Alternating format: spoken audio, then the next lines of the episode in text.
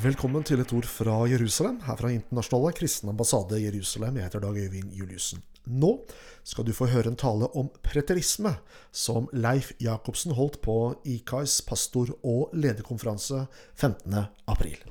Eh, Hva er preterismen? Eh, Preterismen er et syn på endetiden, der man hevder at hendelser og profetier i Bibelen som er knyttet til de siste tider, er allerede oppfylt. Ordet er hentet fra det latinske preteritum, eh, som angir en avsluttet handling i fortid.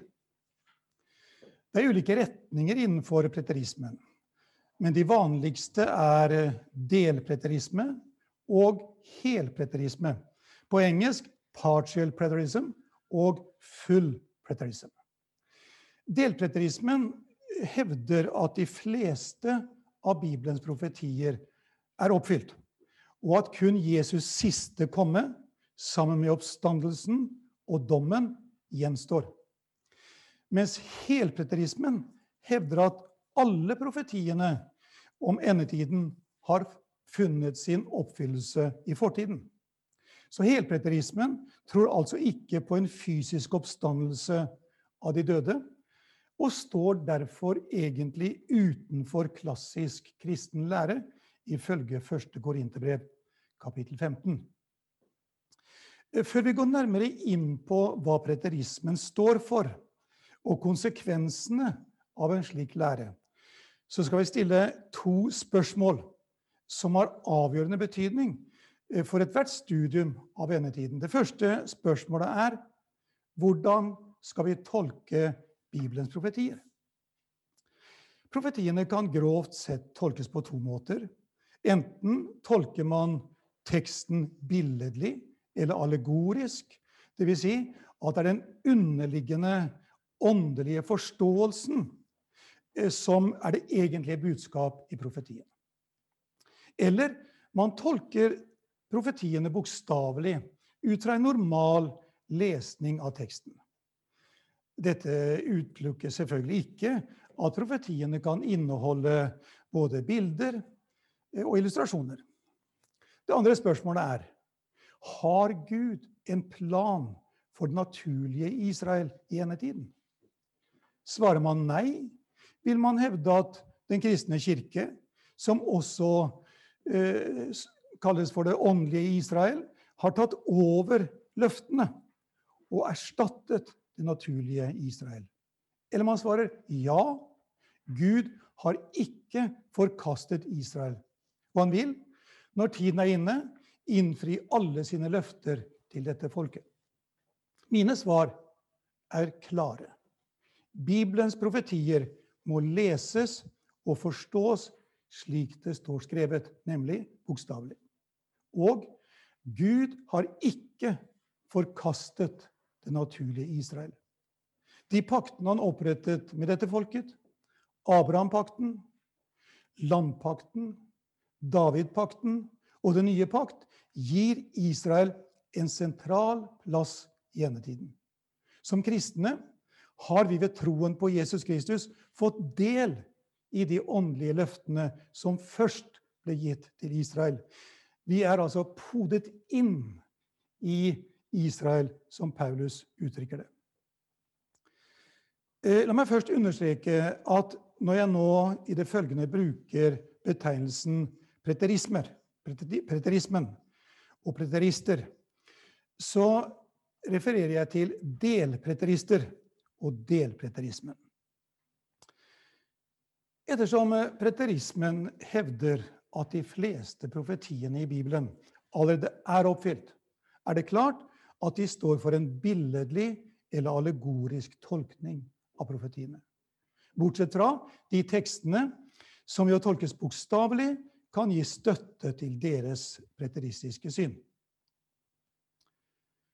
En preteristisk tolkning av frelseshistorien vil ha vidtrekkende konsekvenser for vår forståelse av Bibelen og profetordet. Hør bare. Den store trengsel fant sted, ifølge noen preterister, sommeren år 70 etter Kristus. Ifølge andre begynte den i år 65 og tok slutt da Antikrist, som for øvrig var keiser Nero, ble drept 6. juni år 68 etter Kristus. Den store trengsel ligger i alle fall bak oss og vil ikke gjentas i framtiden. Det store frafallet fant sted i det første århundret og vil ikke prege tiden som ligger foran oss. Ingenting leser vi i Bibelen som sier at det vil bli en, et økende frafall fra troen i tiden som kommer. Tvert imot vil vi se en økende kristning av verden. De siste tider er betegnelsen på tiden mellom Jesu gjenkomst i år 70 og Jerusalems ødeleggelse samme år. Det var de siste tider for Israel og for jødedommen. Da Jesus kom tilbake i år 70, bandt han djevelen, kastet Antikrist og den falske profet i ildsjøen og opprettet tusenårsriket, som må forstås billedlig for en lang tidsperiode uten at vi vet hvor lang. Tusenårsriket kan vare i flere tusen år. Som kristne hersker vi nå som konger i dette fredsriket, der Satan er bundet og hans demoner likeså. Men jeg vil spesielt stanse for hva en preteristisk tolkning har å si for synet på Israel. Og vi skal lese noen bibelsteder. Matteus 10, 23. Når de forfølger dere i den ene byen, da flykt til en annen. Sannelig, sier dere, dere skal, dere skal ikke være ferdige med byene i Israel før menneskesønnen kommer. Matteus 24, 34. Sannelig, sier dere, denne slekt skal slett ikke forgå før alt dette skjer. Matteus 21, 43. Derfor sier dere, Guds rike skal bli tatt fra dere og gitt til et folk som bærer rikets frukter. Basert på en eiendommelig tolkning av disse skriftstedene, og ikke minst avsnittet om lovens forbannelse, i 5. Mosebok 28 kommer de til følgende konklusjoner. Da Jesus kom igjen i år 70, var det for å iverksette Guds straffedom over jødefolket, fordi de hadde forkastet hans sønn og naglet ham til korset. Ettersom Israel ikke hadde vært lydige mot paktene som Gud hadde opprettet med dem, men gang på gang gått sine egne veier, sa Gud til slutt 'nok er nok', og forkastet Israel. Han lot romerne vanhellige tempelet og rive det ned, og ga klarsignal til at de også kunne ødelegge Jerusalem.